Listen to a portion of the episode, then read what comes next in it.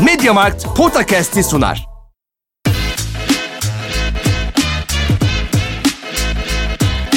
Potakast. Kaan Kural ve Orkun Çolakoğlu'yla NBA gündemine haftalık bir bakış.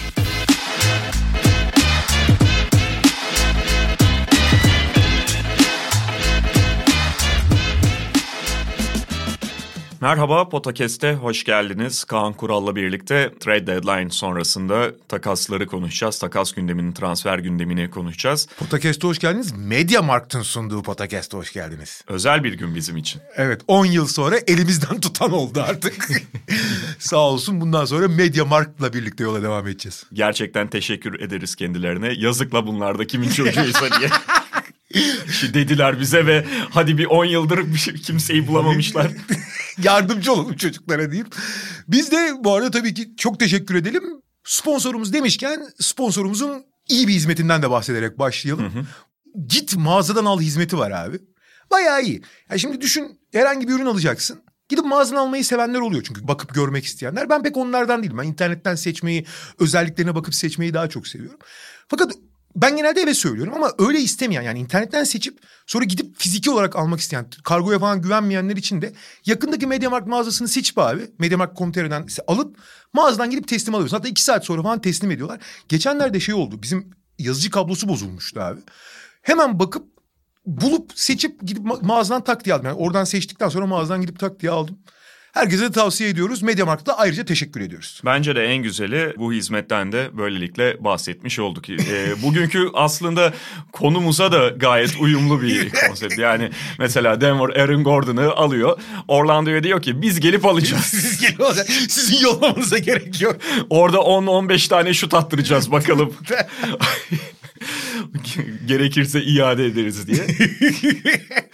Tabii maalesef tüm takımlarda ta- o hak taka- ta- olmuyor. takasın iadesi yok. Ancak sağlık kontrolünde bir sorun çıkarsa yani ayıplı mal çıkarsa yok. Yoksa beğenmedim diye maalesef takasta iade olmuyor. Evet. Şimdi onları konuşacağız. Bütün takasları hatta gerçekleşmeyenleri de konuşacağız. Olanlar kadar mesela olmayan Kyle Lowry de en çok konuşulanlardan biriydi. Genel istersen bu takas penceresine, takas dönemine dair bir şey söyleyeceksen Kaan abi onunla başlayalım. Şöyle şimdi takas döneminin sonuna niye bu kadar sıkışıyor diye bakarsak yani son gün oluyor her şey. Çünkü bir tabii ki her şeyden önce pazarlıklar son dakikaya kadar. Bak hocam zaman bitiyor alacaksan al diye. Bu açık arttırmanın son saniyeleri Aynen. gibi. Karşılıklı pazarlıkta kaldıraç olarak olur. Fakat daha önemlisi niye bu döneme bu kadar insanlar belli hamlelerle geliyorlar hamle fikirleriyle? Çünkü abi sezonun yarısını geçmiş oluyorsun. Ve artık üç aşağı beş yukarı elindeki malzeme neler yapabilir, nereye kadar gidebilir, neleri eksik görüyorsun. Ve özellikle sezon sonunda kontratı bitecek oyuncular için onları tamamen karşında hiçbir şey almadan kaybetmemek adına belki onlarla sezon sonuna kadar hedeflerin onlarla paralel gidiyorsa tutabilirsin sezonunda kaybetmek önemli değil. O sezonki hedefler belki önemlidir ama daha öncelikli olabilir ama onları kaybetmeden başka bir şeye daha uzun vadeli bir şeye dönüştürmek veya tutmak kararını vereceksen veya eksiklerine yönelik nereleri doldurmak istediğini veya takım içinde hangi pozisyonların fazla olduğunu düşünüyorsan burada bir hamle yapıyorsun. Doğal olarak iddialı takımlar veya iddialı olmaya yakın takımlar kadrolarını güçlendirmek adına iddiaları azalan veya artık bir yere gitmediklerini gören takımlar ise daha uzun vadeli eldeki kısa vadeli değerleri daha uzun vadeli değerlere çevirmeye çalışan takımlar oluyor ve bunlar bir şekilde anlaşıyorlar. Bazen anlaşamıyorlar. Bazen pazarlıklarda işin suyunu çıkarıyorlar ki muhtemelen Toronto'nun yaptığı da o. Ve bir yere varıyor ve bir anda bir iki gün içinde bütün takaslar zaten domino taşı etkisi de yapıyor. Bir takas olduğu zaman takımın başka bazı oyuncuları lüks konumuna geçiyor. Onları tekrar takas ediyorlar. Bir oyuncu bir yerden gidip aynı gün başka bir yere de takas alabiliyor. Genelde motivasyonlarım var ve gene çok hareketli. Belki çok çok şampiyonluk yarışına etki edebilecek düzeyde diyebileceğimiz Bence bir tane önemli takas var. Yani senin söylediğin Aaron Gordon takası şampiyonluk yarışına etkileyebilecek. Şampiyonluk yarışını etkileyecek çok fazla takası olmadı Lowry olmadığı için. Ama doğal olarak da şampiyonluk yarışında olan ve playoff yarışında olan pek çok takım önemli takviyelerle şansını belli oranda en azından teorik olarak arttırmış durumda. Ben hemen hemen bütün takasların artık NBA'deki yöneticilerin de kalitesi arttıkça yapılan bütün takasların bir tek Rondo'da bir şerh düşeceğim. Ama onun dışındaki bütün takasların da takımların kendi hedefleri doğrultusunda görece mantıklı olduğunu düşünüyorum. Hangisiyle başlayalım istersin? Yani burada sırayla gitmemizin alemi yok. Net böyle domino taşlarını senin söylediğin gibi devirmeye başlayan takas olarak da Aaron Gordon'u belirlemek lazım yoksa Vucevic'i mi emin değilim. En köklü değişiklik ve en önemli yer değiştiren oyuncudan başlayalım istersen Vucevic. Evet. Nikola Vucevic ki yani Orlando'nun zaten çok hamle yapması bekleniyordu. Çok hareketli bir gün geçirmesi bekleniyordu ama Vucevic elden çıkarmaları en çok beklenen oyunculardan biri değildi. Aaron Gordon kesin gözüyle bakılıyordu. Fournier'e çok büyük ihtimal diye bakılıyordu. Vucevic ise kesinlikle yolları ayırmaz Orlando diye bakıldığından değil ama yaşı itibarıyla ve sonuçta karşılığında da Orlando bir şeyler isteyeceği için kolay kolay takımların teklif yapmayacağı bir oyuncu olarak görüldüğü için ihtimal çok fazla verilmeyen oyunculardan biriydi ama Chicago Bulls burada ciddi bir hamle yaptı. Çünkü Chicago'da kendi yapısından memnun değil. Aslında All-Star'a girilirken tam bir ivme yakalıyor gibiydi Chicago Bulls. Ve bir takım taşlar yerine oturuyor gibiydi görece en azından. Fakat All-Star dönüşünde tekrar aşağı gittiklerini gördük. Beş değişikliği yaptılar bu da takıma fayda etmedi. Hatta daha kötüye gittiklerini bile söyleyebilirsiniz. Ve artık bir hamle yapma ihtiyacı hissetti Karnişovas hangi takımla oynarsa oynasın rakip uzunlar All-Star performansı gösterip duruyordu. Öyle ve burada tabii mesela ilk bakışta en önemli problemlerden biri. Mesela bundan önce Chicago ile Vucevic eğer çok fazla anılmadıysa bundaki en büyük sebep Vucevic'in 30 yaşında olması, Chicago Bulls'un genç nüvesinin ise farklı bir dönem Doğru. yaşıyor olmaları. Ama Karnişovas bir risk almak istedi. Daha fazla beklemek istemedi. Çünkü Bulls'ta da bir takım beklentiler var. Vucevic'i iyi yaşlanabilecek bir oyuncu olarak da görmüş olabilir. Çok haklı olarak çünkü oyununu atletizme yıkan bir oyuncu değil. Teknik becerisi üzerinden daha çok oynayan bir oyuncu Vucevic. Dolayısıyla 30 yaşında ama mesela 2 sene sonra artık keskin bir düşüş yaşar demeyebilirsiniz Nikola Vucevic için. Bunun yanında da tabii ki Wendell Carter'dan hani bekleyip bekleyip bugüne kadar bir türlü o bekledikleri gelişimi görememeleri de en önemli motivasyonlarından biri oldu herhalde. Çok güzel özetledin. Vucevic ile ilgili şunu ekleyeceğim. Vucevic'in takas olmasının beklenmemesindeki en önemli sebeplerden biri Vucevic NBA'deki zor değerlerden biri. Yani takas değeri oyuncu değerinin altında olan oyuncular. Yani pek çok oyuncunun takas değeri oyuncu değerinden daha fazladır. Çünkü aldığın zaman bir değer kattığın için ve rakipten değer gittiği için onu daha yüksek ücretle satarsın. Vucevic onlardan değil. Çünkü Vucevic bir yapıya oturtman gereken ve etrafında yani işte diğer All Star'ların pek çoğu gibi. Yani bu sene iki senedir All Star oluyor. İşte NBA'nin en iyi 30 oyuncusundan biri demek bu. Öyle ya da böyle. Nereye koyarsın ayrı konu. Fakat diğer 30 oyun yani 30 tane All Star olmuş oyunculardan 25 tanesini falan herhangi bir takıma koyduğun zaman direkt artı yazıyor. Fakat Vucevic biraz farklı. Vucevic etrafındaki mesela biraz Ben Simmons gibi. Hatta bence en iyi paralellik Jokic'le kurulabilir. Tabii ki Jokic daha üst düzey oyuncu. Ama Jokic'in bir klonu bir alt seviyesi gibi düşünürsen etrafındaki oyuncuların ona uyması gerekir. Ve böyle oyuncuları almak da ona belli bir bedel biçmek de kolay değil. Senin takımında olmasını istersin ama alırken çok pahalıya gelir. Hı hı. Çok lüks bir şey gibi. Şimdi Vucevic'in en büyük özelliğini Vucevic abi bir pivot olarak asıl işini hiç yapamıyor. Yani hiçbir şekilde çember savunamıyor. Zaten teması hiç sevmiyor. Daha çok iki numara gibi oynayabilen. Ama sen dedin ya iyi yaşlanacak diye. Abi 29 ve 30 yaşlarında son iki yılda zaten belli bir seviyenin üzerinde olan oyununu çok elit bir seviyeye taşıdı. Ve Vucevic bu sezon tepeden tüm NBA'de en fazla üçlük atan oyuncu. Curry'lerden falan daha fazla atıyor. Hı. Ve elit seviyede atıyor. Oradan oyunu da yönlendirebiliyor. Bir yok hiç değil belki ama oyunu da kurabiliyor. Ve Zach Lavin'le gerçekten ölümcül bir kom hücum kombosu olabilecek potansiyele sahip. Çünkü ikisi de içeriye doğru devrilerek de oynayabiliyor. Kısa devrilerek de oynayabiliyor. Şut temelli de oynayabiliyorlar hakikaten olağanüstü bir ikili olacaklar. Orası kesin hücum anlamında. Birbirini çok iyi tamamlayan artı uzun kısa oldukları için pozisyonel olarak da birbirini tamamlayan gerçekten harika. İkisi de All Star. Yeni bu sene All Star olmuş. İki tane harika nüve kazandı. Fakat Zach Lavin artık savunmada bir negatif değil. Eskiden öyleydi. Bu sezon fena değil. Bazı açılardan iyi hatta yardım savunması da. Birebir savunması hala biraz problemli ama yardım savunması çok gelişti. Ortalamanın üstüne çıktı. Ama Vucevic korkunç resmen. Yani tamam pozisyon biliyor ama ne teması sever, ne blok tehdidi var, ne caydırıcılığı var. Yok için bak yok iç ki bu işin zirvesi bu tip oyuncuların zirvesi. Onun bile savunmada yarattığı problemleri ve birazdan konuşacağız. Denver'ın onu savunmada barındırabilmek için yaptıkları şeyler düşünürse Chicago'nun işi bir kat daha zor. Bir. İkincisi senin söylediğin zaman çizelgesi. Yani takımın işte Kobe White, Laurie Markkanen'li, Patrick Williams'lı genç nüvesi daha 20-21 yani 22'li yaşlarda. Zach Lavin 26-27 zirvesinde. Abi Vucevic 30. Şimdi bu çizelgeye de çok oturmuyor. Ama sen Vucevic Zach Lavin eksenini kurduğun zaman en azından kısa vadede 2-3 senelik bir periyotta çok uzun süredir başarısız olan bir takım için bir başarı reçetesi elde ettin. Hı hı. E bunu elde ettiğin zaman da bir kurgu sağladın demektir. Ben Karnişovas daha yeni başa geldiği için kısa vadeli planları pek yapmayabilir. Daha orta vadeli düşünebilirim ama hiç öyle düşünmedi. Kısa vadeli bir plan yaptı. Bu biraz Patrick Williams'a fazla güvendiklerini gösteriyor. Bir. ikincisi zaten dedikodular da çıktı. Lori Markkanen'den tamamen vazgeçtiklerini gösteriyor. Bunlar biraz geçmişin hataları biliyorsun. Lori Markkanen'i almak için draftta ekstra şey vermişlerdi yükselmek için sırada. Keza Patrick Williams için de.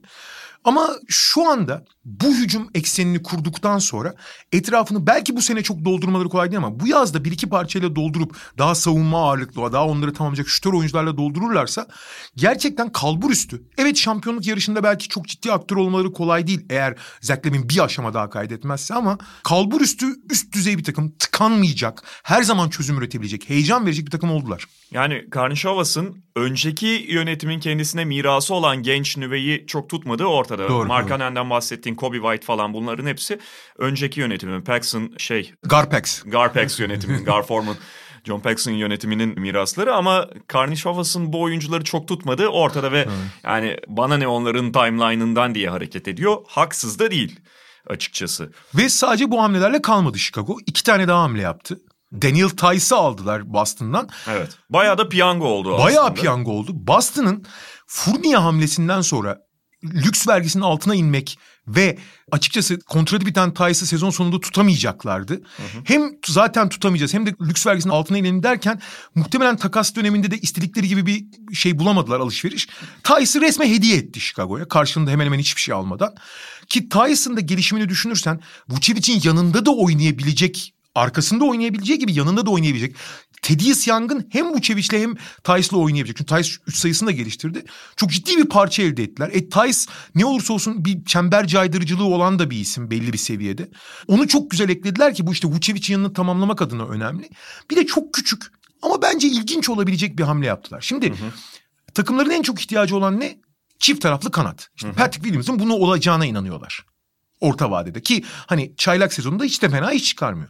Fakat bunlardan 5-6 tane lazım takımlara. Ve diğerleri çok kolay değil. Zach Lavin başrol olduğu için hani tam öyle mi değil. Abi son derece risksiz bir hamleyle Washington'da bir takasa girdiler. Ve Troy Brown Jr.'ı aldılar. Şimdi Troy Brown Jr. geçen seneye kadar bu rolü düşük profilde de olsa oynayabilen bir oyuncu. Bu sene hiç rotasyona girmiyordu. Scott Brooks'la araları acayip kötüydü. Ha sonuçta Scott Brooks da tamam pek çok konuda eleştiriyorsun ama oynayabilecek durumda oynadı. Muhtemelen Troy Brown'un durumu çok çok iyi değil. Ama tekrar kendini bulur ve en azından düşük profilde de olsa oyunun iki taraflı oynayan bir kanat rolünü bu takımda oynayabilirse çok da bedavaya bir kazanç da oldu. Yani Karnişovas bu Lavin Vucevic eksenini tamamlayabilecek. Evet Tice ve Troy Brown ideal isimler olmuyor mu? Ama neleri eklemesi gerektiğinin çok farkında olduğunu gösterdi. Evet. Troy Brown'u alırken de Daniel Gafford'la Chandler Hutchison'ı verdiler. Troy Brown'la birlikte Mo Wagner'i de almışlardı ama Mo Wagner'i Thais takasında Celtics'e yolladılar. Şimdi buradan istersen abi Gordon'a geçip Orlando'ya dönmeden önce yani aslında Orlando'ya Çok küçük şeyi de ekleyeyim. Tabii. Daniel Gafford'da biraz lüks olmuştu Vucevic kendine. Bak Daniel Gafford çok düşük profil olsa da atlet bir uzun olarak Washington'ın da işine yarayabilir. Doğru. Onlar Alex Len'e falan mecburlar. Gafford'u kullanabilir onlar. O yüzden zaten yaptılar. O zaman abi Thais'tan da bahsetmişken Orlando'dan da ayrılmadan Boston'a geçelim. Yani Boston'ın yaptığını ve yapamadıklarını konuşacağız.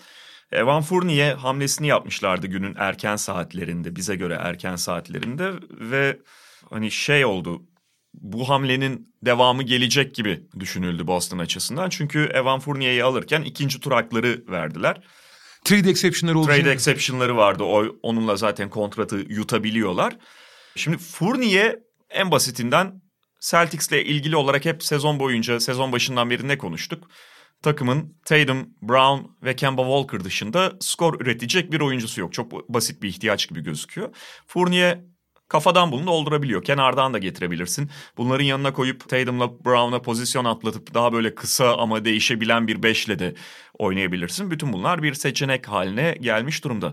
Ama Boston'ın esas olarak Fournier tipi bir oyuncuyla değil, dört numarayı da kotarabilecek bir oyuncuyla o üçlüye ekstra bir skorer getirmesi bekleniyordu. Yani nedir konuşulanlar? İşte Harrison Barnes'ı konuştuk. Aaron Gordon konuşuluyordu. Hatta iki gün önce salı günü Amerikan medyasında Boston Celtics'in Aaron Gordon yarışında net biçimde öne fırladığı haberleri vardı. Ve deneyici olduğu için. Deneyicinin şöyle bir huyu vardır.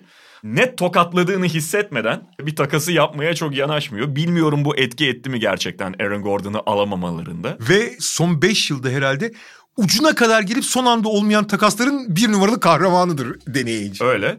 Şimdi Evan Fournier ile başladılar ama arkasını getiremediler. Hani dediğim gibi yaptıkları ve yapamadıklarıyla konuşmak gerekiyor Boston Celtics'i. Üstelik bir de Tyus'ı da kaybetmişken.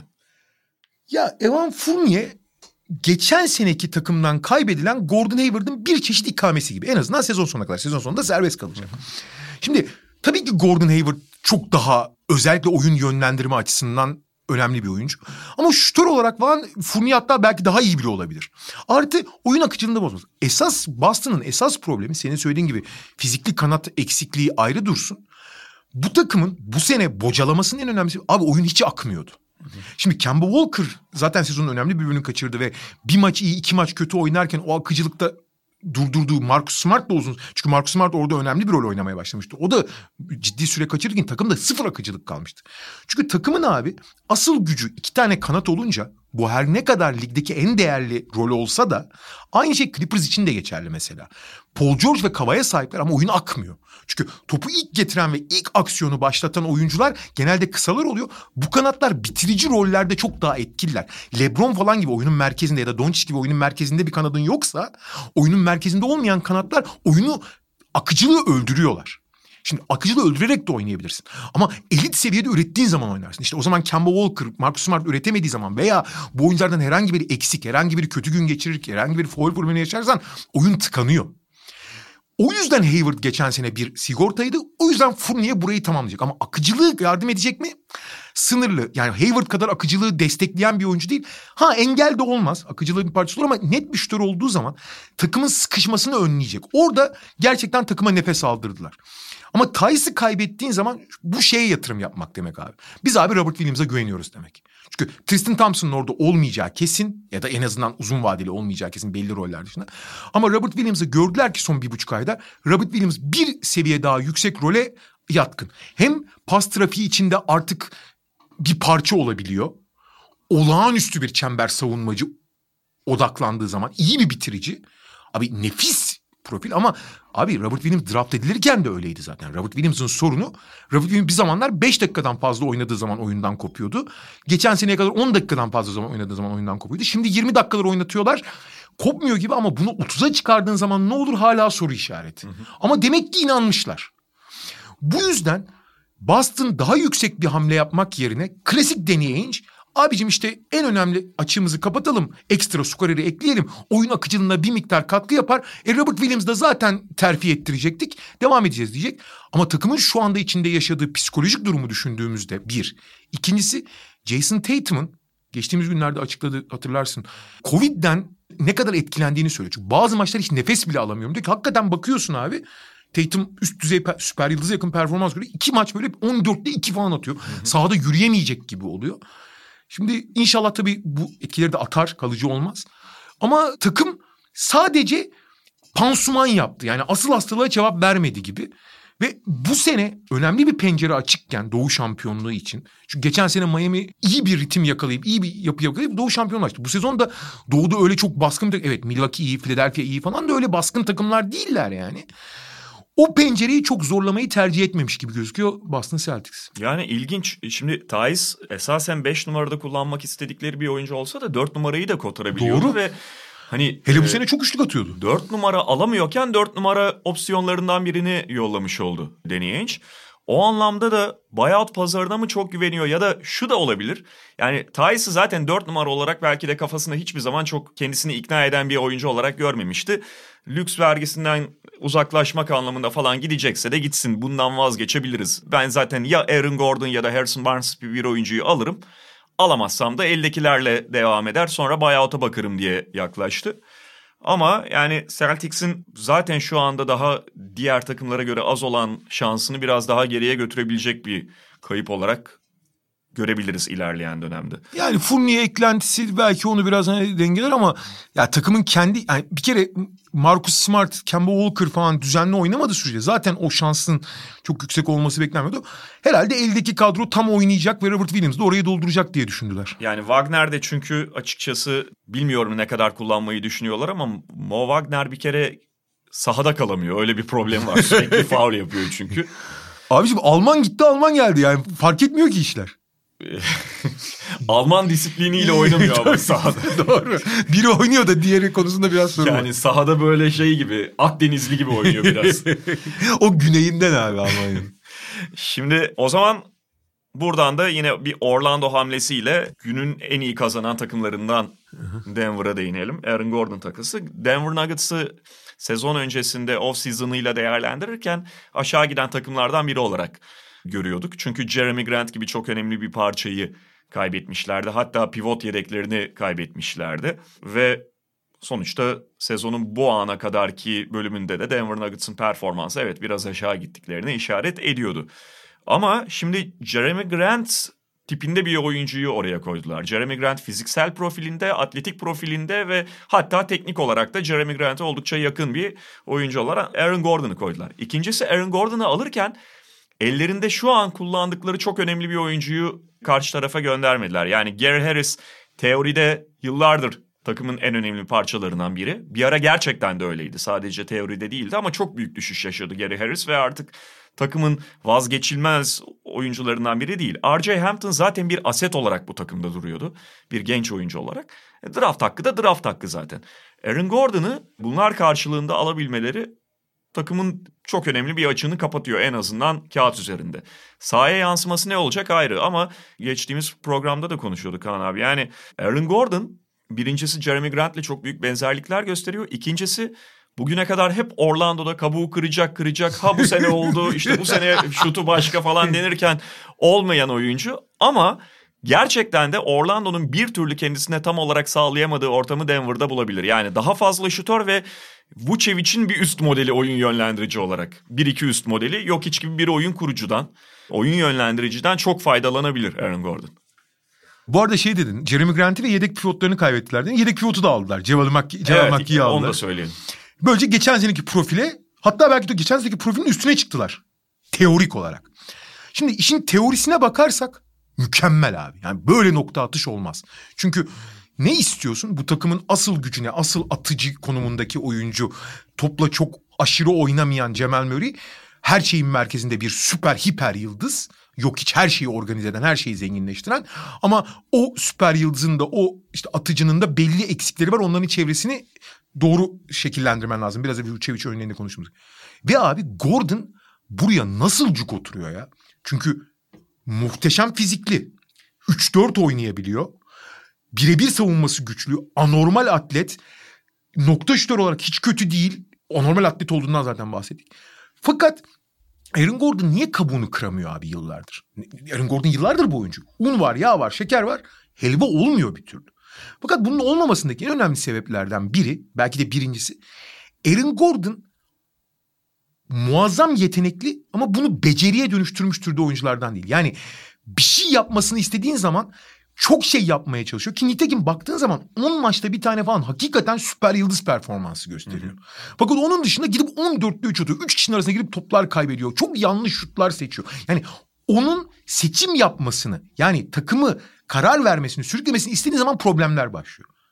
Abicim Denver için ideal seçim dedik ya. İşte bir de Michael Porter Jr.'ı da düşünürsen onların 3-4'ü değişerek oynayabilecek olmasının bir sürü başka esneklik avantajı da var. Arttı yetmezmiş gibi. Fakat Denver için o ideal seçim dedik ya işte fizikli kanat arıyordun, ekstra atıcı arıyordun, top yönlendirici her şey var Gordon'da. Abi Gordon için daha da iyi. Çünkü Gordon için 30 tane NBA takım içinde gidebileceği belki de en iyi takım bu. Çünkü hiçbir şekilde seçim yapmasına, tercih yapmasına veya takımı sürüklemesine gerek yok. Aliyup manyağı yapar onu Nikola Jokic. Topsuz her hareketini doğru yerde besler. Doğru yerde, doğru şut noktasında, doğru smaç noktasında her yerde doğru yerde topla buluşturur. E kazanan bir kültüre geldiği zaman ekstra bir motivasyonla savunmayı da yaptığı zaman daha fazla bir şey yapmasına gerek yok ki zaten.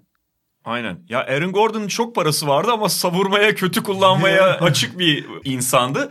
Çok iyi bir yatırım danışmanı getirdiler Aynen, abi. aynen öyle. Gordon'un yanına. Ha, bu tabii teorik tarafı.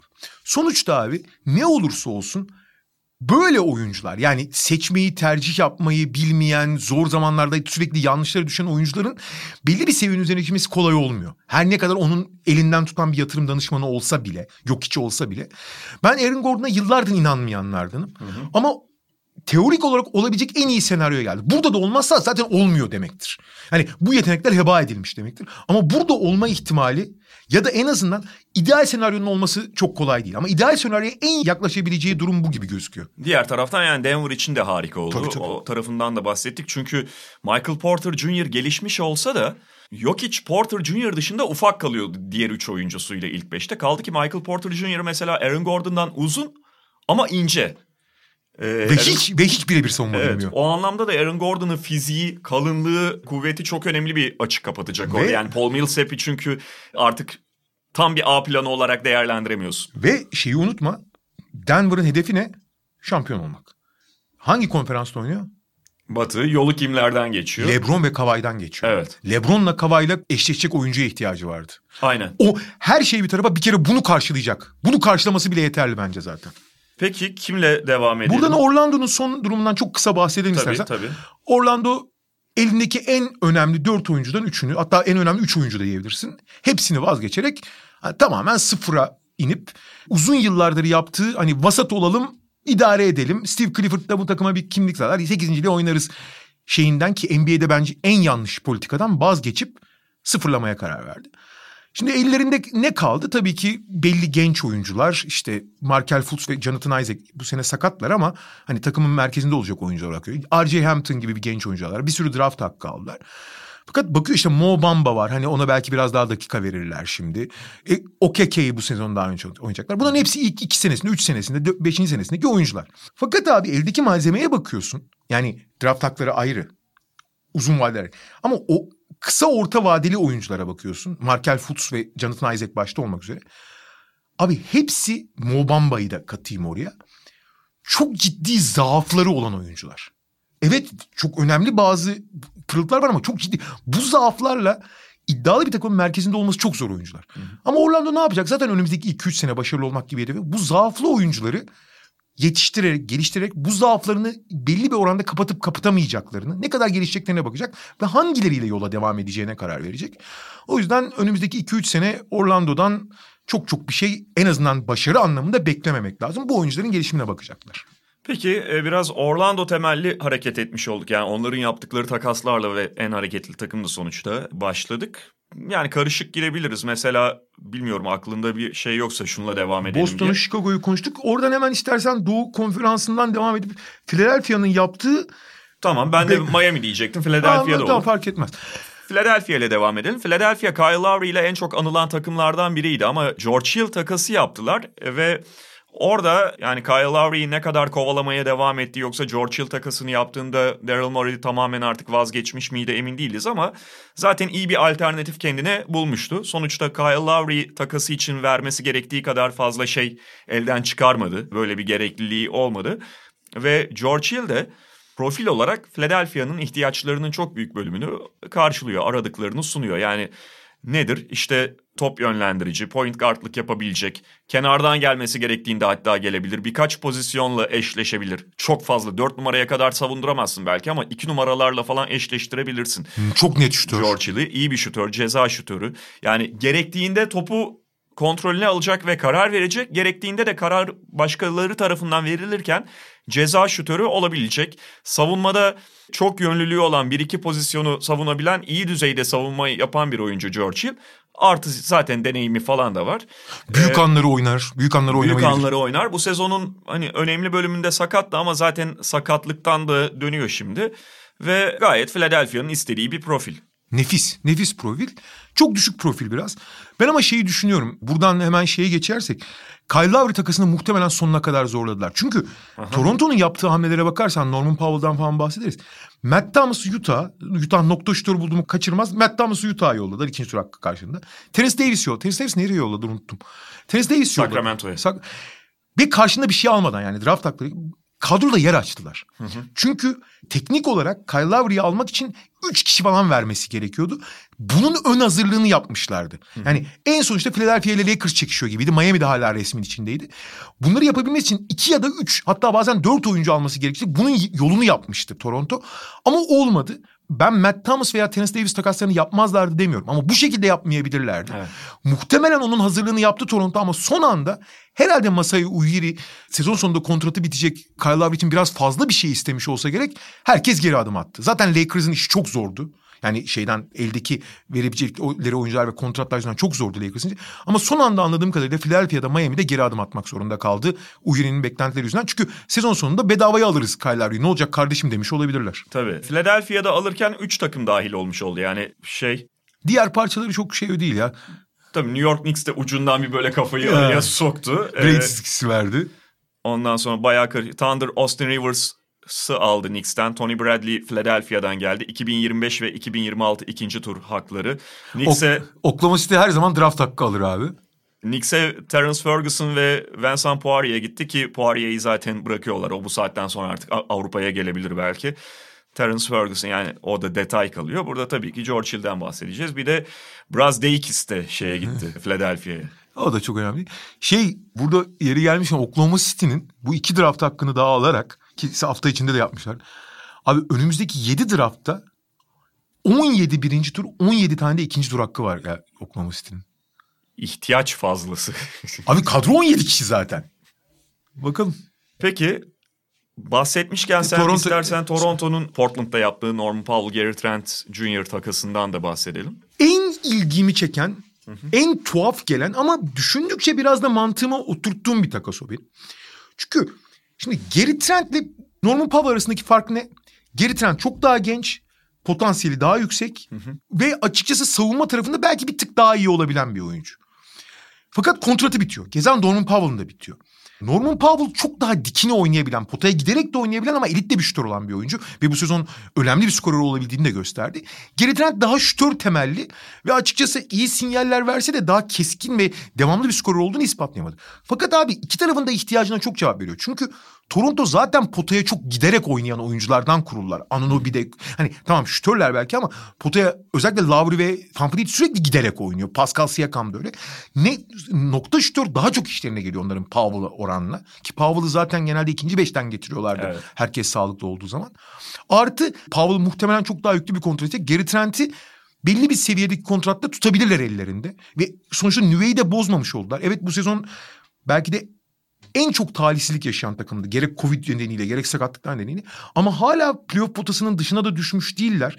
İyi bir ivme yakaladıkları zaman bu nüve önlerinde gözüken takımların pek çoğundan daha iyi durumda. Yani Charlotte'dan New York'tan kesinlikle kötü değiller. Indiana da bu ara bocalıyor. Onlar tekrar playoff potasına girebileceklerini gösterler. Lowry'den de vazgeçmeyerek bu sezon tekrar iddialı olabileceklerini gösterler. E Portland'a bakıyorsun. Portland'da da abi Portland'da da oyun zaten Lillard McCollum temelli. Onların üçüncü bir ufak guardla işleri çok zordu. Ve üçüncü bir şut temelli guardla işleri de zordu. Çünkü Lillard da McCollum da şut temelli oyuncular ve ufak oyuncular. Onların biraz daha fizik ve gerektiğinde potaya gidebilen bir oyuncuya ihtiyacı vardı. Norman Powell da bunu karşılıyor. O açıdan iki taraf için de mantıklı oldu. Ha sezon sonunda ne olur ayrı konu. Yani özellikle McCollum'la Lillard'dan bir tanesi kenardayken diğerine rakip takımlar çok daha agresif baskı, ikili sıkıştırma vesaire uygulayabiliyorlar ve şimdi orada pası direkt verip şutör bulmak kolay değil. Bir tane daha topu yere vurabilen oyuncu barındırmanız önemli işte. Yani Trent'le Powell'ın en büyük farkı Portland açısından o. Topu yere vurup dediğin gibi potaya gidebilme özelliği. O anlamda da Norman Powell'la istediklerini aldılar. Miami'yi konuşalım o zaman. Hı hı. Victor Oladipo'nun da gitmesine kesin gözüyle zaten bakılıyordu ama herhalde genel beklenti bundan daha fazlasını Houston'ın elde edebileceği yönündeydi. New York Knicks'in de mesela Victor Oladipo'yu istediği söyleniyordu. Başka takımlarla adı anılıyordu. Miami çoktandır Victor Oladipo yani Indiana'dan beri Victor Oladipo'ya talip. Hatta free agent olarak onu çekmesi ihtimal dahilinde gözüken takımlardan biriydi. Victor Oladipo da hatta Miami'yi çok istiyordu. Bu haberler geliyordu. Tabii bu sezonki performansının ardından ve o ciddi sakatlığın sonrasında Oladipo'nun değeri biraz düştü ama Miami'nin bir şey vermesi gerekmedi ve biraz böyle Oladipo hafif kucaklarına düşmüş gibi oldu. Özellikle Miami'nin de diğer taraftan çok istikrarsız bir sezon geçirdiğini düşünürsek. Oladipo karşısında ne verdiler abi? Bir saniye abi tam söyleyeceğim de şeyi arada kaybettim. Şöyle abi işte New York'la adı anıldı. Başka yerle adı anıldı değil mi? O adı anılma dedikoduları abi genelde menajerlerin ortalığı kızıştırmak için ortaya attığı bazıları çok gerçekçi olmayan dedikodular. Ne vermiş abi buldun mu? Avery Bradley, Kelly Olynyk bir de 2022 haklarının ilk tur haklarının değişimi. Değişimi ki muhtemelen 2022'deki ilk tur hakları Miami'nin daha yüksek olacak için o değişim de gerçekleşmeyecek. Aynen Houston bir şey çok, yani o, bir o, o hiçbir şey ifade etmiyor. Yani Houston zaten önde olacak. Yani Kelly Olynyk ve Avery Bradley gibi çok vazgeçebilecekleri ki... Bradley zaten buyout muhtemelen. Bradley büyük ihtimalle buyout zaten bütün sene boyunca neredeyse oynayamadı. Artı Lamarcus Aldridge'i alacakları açıklandı. Lamarcus Aldridge'i serbest bırakıyor Spurs. Bir takas bulamadı. Ve Miami'ye gidecek. 5 milyon doları bıraktı Lamarcus Aldridge. Sırf Miami'ye gidebilmek için Miami'ye gidecek. Böylece Olinik'in ikamesini buldular. Hatta bazı açılardan upgrade bile yani daha Olinik'in yaptıklarını bir tık daha iyi yapabilen bir oyuncu gibi gibi görebilirsin. Her ne kadar Olinik'in takıma alışkanlığı falan olsa da. Şimdi Olinik'i kaybetmiyorsun. Yani Lamarcus Aldridge'i değiştiriyorsun. Hı hı. E zaten Avery Bradley'e çok fazla ihtiyaç yok. Abi hiçbir şey vermediler. Hı hı. Abi bu ne demek biliyor musun? Hiçbir şey ver. Houston peki Oladipo'yu takas etmeye çalışıyor mu? Kaç aydır çalışıyor? Abi bu çıkan dedikodular falan Ligde kimse Oladipo'yu istemiyordu. Hı hı. Bu bu kadar basit abi. Çünkü abi Oladipo'yu seyredersen niye istemediklerini de anlıyorsun. Oladipo şu anda Bak mesela Blake Griffin için de benzer şeyler konuşmuştuk. Blake Griffin sakatlığı yüzünden hiç etki veremiyor falan. Abi Blake Griffin evet etki veremiyor. Hiç hareket edemiyor falan ama işte bir ay dinlendi belki hani bir 5-10 dakika alabilir. Ama Oladipo öyle değil. Oladipo direkt zarar veren türde oyunculardan. Ben bu Oladipo'nun... Çünkü zaten yoğun dakika alıp çok fazla top kullanıyor. Bir de yetmezmiş gibi kendisini boy aynasında gören, kendisini Kobe zanneden bir karakteri de var. Abi şimdi nötr oyuncu veya yarar sağlamayan oyuncu başka bir şey. Zarar veren oyuncu bambaşka bir şey. Onu sahaya süremezsin abi. Ben bu sene çok seyrettim. Bir tane abi 33 sayı 5 rebound 8 asistle bitirdiği bir maç var. Maçın hangisi oldu? Sağın en kötüsüydü abi. 33 sayı 8 asistle sağın nasıl en kötüsü oluyorsun? Abi seyredince görüyorsun yani. Şimdi ha Miami kültürü diye bir şey var ya. Yani kardeşim hani sen eğer burada doğruları oynamazsan bu yapı içinde oynatmayız seni deyip belki onu doğru bir yola çekebilir. Ama sezon ortasında bunu yapmak çok zor. Ama karşında bir şey kaybetmediği zaman bu riske de girilir. Çünkü şütöre çok ihtiyacı vardı şeyin. Aha.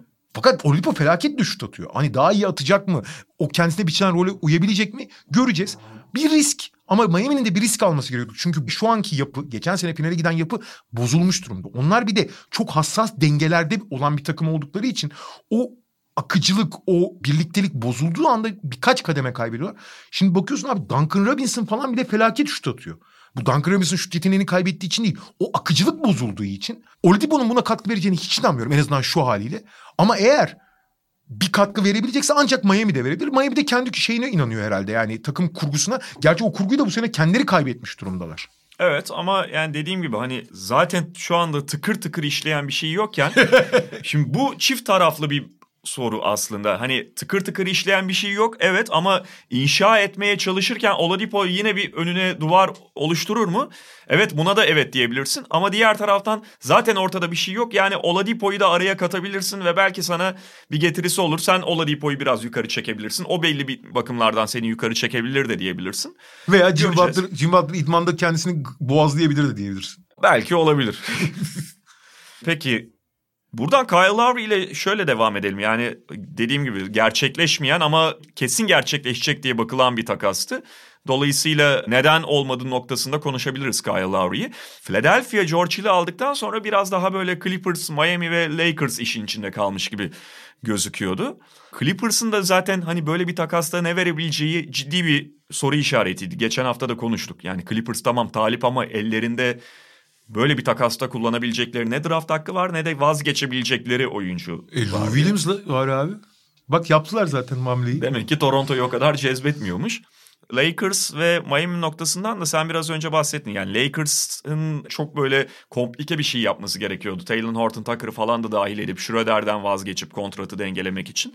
Miami'den de anlaşılan Tyler Hero'yu koparmaya çalıştı Masai Ujiri ve Pat Riley de böyle hani gömleği sıyırıp falan bir karşılık vermiş olabilir. Ama onlar da anladığım kadarıyla yani zaten kesinlikle takas etmek isteseler ederlerdi daha düşük bir fiyata. Onlar da iyi abicim biz de geri Trent'i de alırız. Bu nüve kötü bir nüve de değil. Buradan yürürüz dediler. Çünkü geçen hafta işler çok kötü. Üst üste 9 maç kaybettikten sonra bir de Houston'a yenildikten sonra bayağı ortalık karışmış. Hatta soyunma odası da karışmıştı. Pascal Siakam'la Nick Nurse arasında korkunç böyle yani belli çizgiler oyuncuyla koç arasında bir gerginlik atışma falan olur. Evet. Ama şu, şu ifadeyle anlatıldı bu kavga. Çizgilerin aşıldığı yani çok bel altı ifadeler kullanılan bir tartışma olmuş. Olabilir gene ama bunların soğuması daha zor olur. Öyle söyleyelim. Çünkü Pascal Siakam özellikle son iki senedir gerek son saniyelerdeki şanssızlıkları. Ben son saniye toplarında Pascal Siakam kadar şanssız bir adam görmedim. Kendi hataları da kendi eksikleri de var ama abi kaç topu içinden çıktı ya maç topu adamın. Yani böyle bir talihsizlik olmaz. Bir. İkincisi belli son çeyreklerde siyakamsız beşlerle oynaması onu biraz günah keçisi ilan ediyor durumuna soktu. Pascal Siakam geçen sezon ilk yarısını süperstar gibi oynarken sonra kasık takasından sonra bir daha kendini toparlayamadı. Bu tip bunalımlar falan derken çok gergin bir ortam. Mağlubiyetlerle de birleşince patladı. Ama çok kötü patlamış yani beklenenden de büyük patlamış. Ama onları aşabileceklerine inandılar demek ki. Kyle Lowry zaten Toronto Raptors tarihinin en büyük oyuncusu oldu diyebilirsin neredeyse. Onu tutmakta da hiçbir sakınca görmüyorlar. En azından manevi anlamda bile olsa. Artı bu senede tekrar playoff'ta aktör olabilecek malzemede devam ediyor onlar için. Yani çok pahalıya satmaya çalışmışlar. Satamamışlar. E hayat devam ediyor diye bakıyor anladığım kadarıyla. Doğu'da başka bir hamle yapan yok galiba. Yani öyle Şey var abi Detroit Sacramento takası Ha. bir gün önceden. Corey Joseph takası mı? Evet Delon Wright, Corey Joseph takası. Orada da işte Delon Wright'la hani Detroit uzun vadeli bir hedefe gittiği için Corey Joseph'ın gelecek senelik kontratı garanti değil çünkü. Delon Wright'ın kontratı devam ediyordu. Ha, Delon Wright fena oynamasa da hani onların hedeflerine gidecek zaman çizelgesine değil deyip daha uzun vadeli bir şey yaptılar. Diğer tarafta şey ise ikinci bir guard skorer buldu kendisine Sacramento. Hani ufak ama iki taraf için de bir hamle sonuç itibariyle. Sacramento'nun yani zaten özellikle Vivek Ranadive'nin durun daha öyle Harrison Barnes'ı falan satmayacağız yaklaşımında olduğu söyleniyordu. Yani tabii perde arkasında Barnes'ı ne kadar masaya koydular karşılığında ne istediler ne kadar ciddi yaklaştılar or- orasını bilemiyoruz ama hakikaten de Sacramento sonuçta ufak bu değişiklik dışında Nemanja Bielitsa da var unutmayalım bu arada Miami'de. Evet ama Nemanja Bielitsa'dan zaten vazgeçmişlerdi. Ha, Ay, sen Miami açısından diyorsun. Şöyle o ilginç olabilir işte. Yani şeye çok cevap değil Miami'nin isteklerine. Ama top trafiğine devam etmek, şut tehdidi yaratmak açısından ve takımın fizikli dört numara eksiğini kapatmak açısından olabilir. Ha hareketliliği ve atletizmi ve savunmaya hiçbir şekilde yanıt değil. Hatta oralar dezavantaj. Ama bir alternatif olabilir ve Eric Spoelstra o tip oyuncuları kullanmayı da biliyor. Yani ikincil, üçüncül oyun kurucu rollerini de oynayabilir. Yani Miami bu tip işte Oladipo, Bledis'te falan gibi işte Lamarcus Aldridge gibi hamlelerle sorunlarına çözüm değil ama belli alternatifler yarattı. Ama bu oyuncuların hepsi de Oladipo'da, Bielitsa'da, Lamarcus Aldridge'de çok ciddi defalarla gelen oyuncular. Ama Miami'yi biliyorsun geçen sene de öyleydi finale giden takım. Baştan aşağı defolu oyunculardan kurulu abi. Adebayo dışında defolu oyuncusu olmayan Jimmy Butler dahil buna bu arada. Jimmy Butler hiç üçlük atmıyor mesela. Yani belli eksikleri olan oyunculara bayılıyorlar ama onlardan iyi bir yemek yapmak gerçekten çok zor. Geçen sene yaptılar ama çok nadir olur o. O zaman şeye geçelim. Atlanta Clippers takasına geçelim Ha, istersen. Geçelim abi. Benim en anlam veremediğim takas oldu tek taraf bakımından. Ben Clippers'ın biraz aşırı tepki verdiğini Ben de, düşünüyorum. ben de. yani şu bakımdan. Birincisi Clippers kötü durumda değil. Hatta şahane de gitmiyorlar belki ama zaten bu sezonun dinamiklerinde kimse öyle tıkır tıkır acayip gitmiyor. Yani bir tarafta işte Utah Jazz'i diğer tarafta Philadelphia'yı ayırabilirsin ama onlar motivasyonları ve yapıları farklı takımlar. Yani Clippers'ın durumu gayet iyiydi. Bence çok problemli değildi. Hatta hatta bunu daha önce de ben podcast'te söylemiştim. Bu sezon Lakers'tan daha güçlü bir yapı kurduklarını bile iddia edebilirdiniz. Evet bir oyun kurucu ihtiyacı var gibiydi ama şimdi oyun kurucu ihtiyacını neyle doldurduğunuz ve doldurmaya çalışırken nelerden vazgeçtiğiniz de önemli. Birincisi Lou Williams'tan vazgeçiyorlar ve Lou Williams hala düşen oyununa rağmen bu takımın kenardan gelen en önemli skoreri. Marcus Morris'i de tekrar ilk beşe çektikten sonra. Bu aray arayacakları bir rol, arayacakları bir katkı. Evet Lou Williams playoff'ta özellikle akıllı takımlar tarafından mesela Lakers'la falan eşleştiğinde direkt switch üstünden hedeflenen bir oyuncu haline geliyor ama rolünü azaltabilirsin, bunu maskeleyebilirsin, farklı tiplerde kullanabilirsin. Artı şöyle bir problem var. Karşılığında aldığın Rondo da çok farklı yerlerden hücumda ve savunmada hedeflenebilecek bir oyuncu. Rondo'nun geçen sene evet bir kez daha bizi bir kez daha demeyelim. Bizi geçen sene yanılttığını itiraf etmek gerekiyor. Doğru, Bu zaten geçen doğru. seneki podcastlerde de playoff'ları konuşurken çok fazla ifade ettik. Ama Rondo'nun böyle oynadığı her sene ki yani geçen senenin öncesinde öyle tıkır tıkır 2018, 2017 bunlarla dolu değildi sonuçta. Bayağı geriye gitmen gerekiyordu. Bir Pelicans senesi fena değildi ama o da başka. Şimdi anlatacağız. Evet. O da tek playoff. Tek- tek, tek seri. seri, Tek, tek seri. seri. Yani Portland serisinde takım olarak zaten Portland'ın üstüne çöktüler. Ama Rondo'nun bu kendisiyle birlikte büyüyen playoff Rondo miti öyle bir hale geldi ki hakikaten geçen sene de tamam bizi yanılttı onu kabul ediyoruz ama birinin elinde patlayabilecek hale geldi Rajon Rondo ve sanki Clippers o playoff Rondo mitine fazla kapılarak kendi oyun kurucu ihtiyacını da kendi gözünde büyüterek bir hamle yaptı gibi geliyor. Şimdi teorik olarak Clippers'ın yaptığı çok çok kötü değil. Bu arada Atlanta şu anda göbek atıyor böyle resmen Travis Schlenkler Aynen. falan halaya durdular abi. En kötü hamleleri bu yaz yaptıkları ki Bogdanovic'te, Galinar'den de çok istediklerini alamamışlardı. Onlar hadi yavaş yavaş iyileşikçe geldi. Rondo felaket bir tercihti. Ondan kurtuldular ve karşılığında hem Lou Williams gibi kenardan Trey Young yokken skor yapabilecek bir alternatif elde ettiler. Hem de draft hakkı aldılar ikinci turda olsa. Bu harika. Abi teorik olarak Clippers da haklı. Şimdi Clippers'ın en büyük eksikliği biraz evvel Boston'dan bahsederken söyledim. Oyun akmıyor. Çünkü forvet temelli takım olduğun zaman oyun akıcılığına katkı vermiyorlar. Bu arada ne Paul George ne Kawhi LeBron ve işte Doncic türevi oyuncular olmadıkları için oyun akmıyor ve bu çok ciddi bir problem yaratıyor. Nitekim Clippers'ın maç sonu oynama becerisi, oyun sıkıştığında psikolojik olarak düşmeleri bir yana ligin en düşük free throw rate'de oynayan takım. Yani en az foul alan, potaya hiç gitmeyen takım bunlar playoff'larda falan çok ciddi soru işaretleri yaratıyor. Çünkü oyun sıkıştığı zaman en iyi çözümlerden biri foul alabilmektir. Jim Butler'ın falan en büyük avantajları onlar. LeBron'un vesaire. Foul alabiliyorsun abi. Hiç almıyorlar foul. Çok şut temeller vesaire. Oyun akmıyor. İlk pası verecek, ilk organize yapacak oyuncu. Bunları teorik olarak potaya da gittiği için belli oranda. O gerçi Rondo da foul almayı hiç sevmiyor. Atamadığı için foul'ü. Ama potaya gider, şey yapar falan gibi bir şey gözüküyor. Bunlar teorik olarak iyi ve onun işte playoff'ta Rondo başka oynar. E, Kendine gelir. Abi şimdi şöyle bir sorun var. Rondo'nun başarılı olduğu dönemleri düşün. İşte Boston kariyerinin başında. Arada bir tane bir fena bir Chicago sezonu yok. O playoff'ta ilk iki maç oynamıştı. İlk iki maçı kazandılar Boston'a karşı. Sonra sakatlandı çıktı. 4-2 yenildiler ama ilk iki maçı onunla kazanmışlar. Sonra işte Pelicans dönemi o rakibini çocuklar ve geçen sene Lakers. Fakat abi 12, 12 yıllık falan bir dönemden bahsediyoruz. Bunun dışındaki geri kalan her şeyi rezalet Rondo'nun. Hatta o kadar rezalet ki teknik olarak takımı aşağı çektiği gibi çok acayip de bir karakter olduğu için psikolojik olarak da takımı yıkıyor. Bu takımın da psikolojik dengeleri çok önemli. Rondo'yu oraya eklemek başlı başına bir soru işareti. Ve bu iyi dönemleri alacağını düşünüyorsun. Fakat bu iyi dönemlerin şöyle bir ortak noktası var abi. O Boston takımı da, o Chicago takımı da, geçen seneki Lakers takımı da, o Pelicans takımı da rakibin üstüne çöken ve büyük bir şekilde dalga dalga rakibi ezen takımlardı. O dalganın üzerinde iyi sörf yapıyor Rondo. Yani takım baskınç geldiği zaman istediği gibi çok doğaçlama oynayıp ortaya dalıp pasları dağıtıp vesaire bir şeyler yapabiliyor. Çünkü şut tehdidi asla gerçi belli bir seviyede atabiliyor ama asla güvenemezsin onun şut tehdidine. Penetre bitir, bitiriciliği çok ciddi soru işareti foul atış çizgisine de gitmiyor. Evet iyi bir pasör ama bazen çok macera arıyor ve çok çabuk oyundan düşebiliyor. Başa baş giden bir oyunda veya iki takımın birbirine çok net üstünlük fiziki ve psikolojik üstünlük sağlamadığı ortamlarda Rondo büyük dezavantaj. Ve abi Clippers öyle bir takım değil.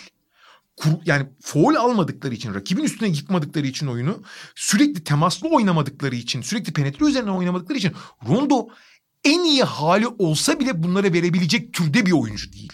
Bence burada büyük bir illüzyon var. Bir. İkincisi geçen sene normal sezonu da çok iyi geçirmemişti Rondo. Playoff'ta çıktı. Fakat bu sene geçen seneki normal sezonundan bile çok geride. Rondo bu sene çok da kötü durumda. Yani tekrar o seviyeye çıkması için geçen sene iki seviye yukarı çıktı playoff'ta oyunu değil mi? Şimdi beş seviye falan yukarı çıkması lazım. Yani çok daha da geride. Teorik olarak bu teoriye çok inanmış gözüküyorlar. Bakalım pratik nasıl olacak.